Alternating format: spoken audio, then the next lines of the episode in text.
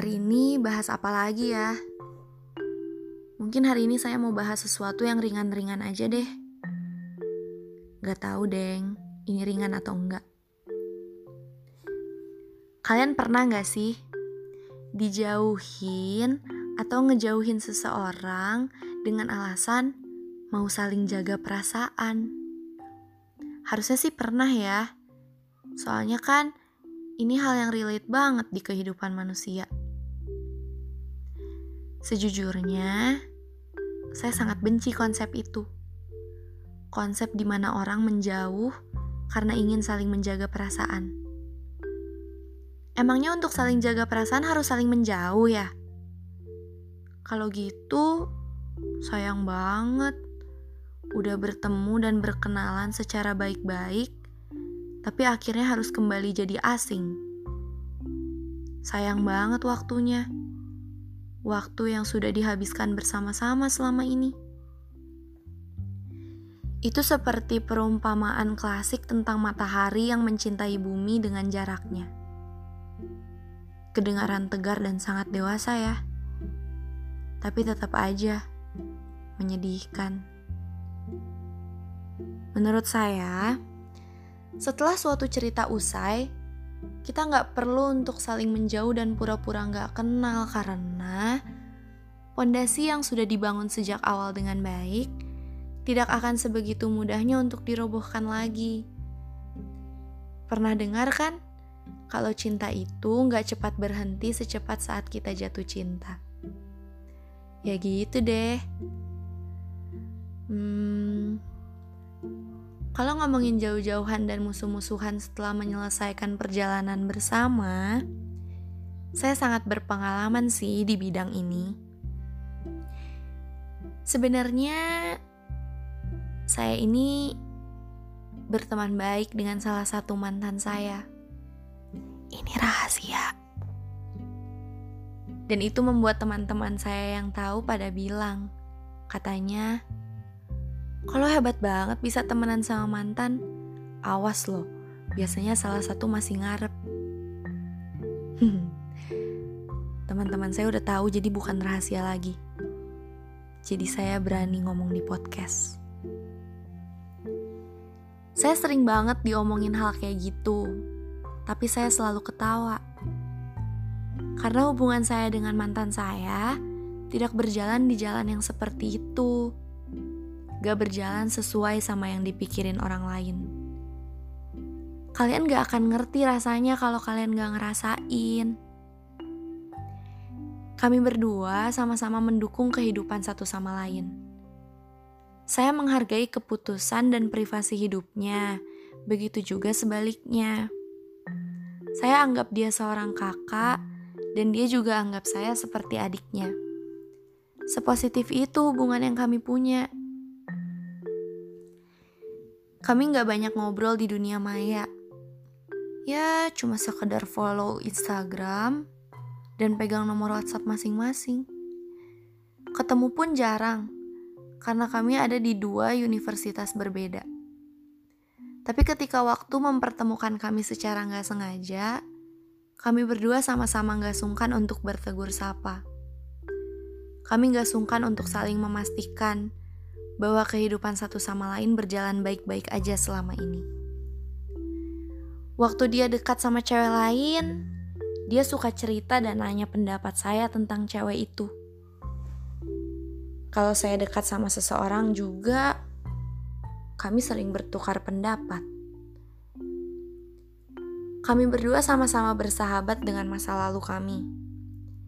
Kami paham bahwa jalan kita berbeda cabang dan itu bukanlah sesuatu yang harus kami perdebatkan. Kalau ada kesempatan untuk ketemu, kami juga nggak pernah membahas masa lalu kami. Yang lalu, kami biarkan aja berlalu. Itu kunci utamanya. Bersahabat. Iya, bukan bersahabat sama orangnya secara fisik gitu. Gak salah sih kalau mau bersahabat sama orangnya juga, kayak saya sama mantan saya. Tetap menyenangkan kok. Tapi yang lebih penting adalah Bersahabat sama masa lalu yang emang dimiliki sama dua belah pihak. Bersahabat sama perjalanannya yang memang harus berakhir. Saling memaafkan kalau memang selama di perjalanan ada hal yang memang gak sesuai sama tujuan utamanya. Namanya manusia, pasti ada aja salahnya. MC di acara ulang tahun aja di akhir acara pasti minta maaf kalau ada salah kata kan? Kalau hal-hal itu udah dilakuin, saya yakin kalian gak perlu lagi saling menjauh hanya untuk jaga perasaan. Ketika cerita harus berakhir, saya yakin yang tersakiti bukan cuma satu pihak aja. Saya yakin perpisahan pasti akan menyakiti dua hati dari dua belah pihak. Ketika dua pihak sudah sama-sama tersakiti karena perpisahan, jangan tambah lagi rasa sakitnya dengan menciptakan jarak. Gak perlu menjauh, berteman aja kayak biasa. Ngobrol aja selayaknya teman. Gak perlu bawa-bawa perasaan yang memang udah berakhir dari lama. Kembalilah sebagai teman Berbicaralah lagi layaknya nggak pernah ada cinta sebelumnya di antara kalian. Tertawalah bersama sepantasnya seorang teman. Itu jauh lebih baik tahu dibandingkan kembali sebagai mantan. Melalui podcast hari ini, sebenarnya saya mau mematahkan statement teman-teman yang menganggap berteman dengan seseorang di masa lalu itu nggak baik.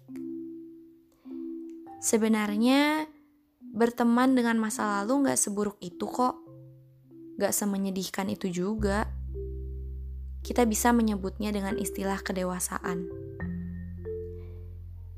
Seminggu atau dua minggu awal, mungkin jarak itu terbentuk untuk dua belah pihak sama-sama sembuh dari luka yang udah terlanjur tergores. Mungkin dua minggu itu jadi waktu untuk lukanya diobati secara intensif. Ibarat patah tulang, mungkin dokter menyarankan untuk diam di rumah dan gak jalan-jalan dulu. Biar tulangnya pulih dulu, biar bisa lari lagi. Tapi setelah masa penyembuhan itu selesai, masa mau terus-terusan diam di rumah dan bahkan jadi takut buat jalan? Kan harus berdamai dulu sama penyebab luka yang lama, biar nggak trauma untuk jalan lagi. Sama aja kayak hati. Ambil waktu untuk sembuhin diri sendiri nggak salah kok. Asal jangan kelamaan. Mau sampai kapan kemusuhan sama masa lalu diri sendiri? Gak akan ada habisnya. Yang ada, hidup sama hatinya dipenuhin sama rasa marah, dan kecewa terus-menerus karena berdebat sama diri sendiri.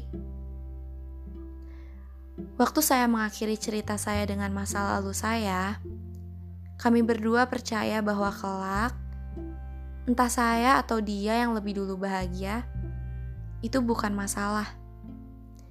Intinya, kami berdua akan sama-sama bahagia, walau nggak saling membahagiakan.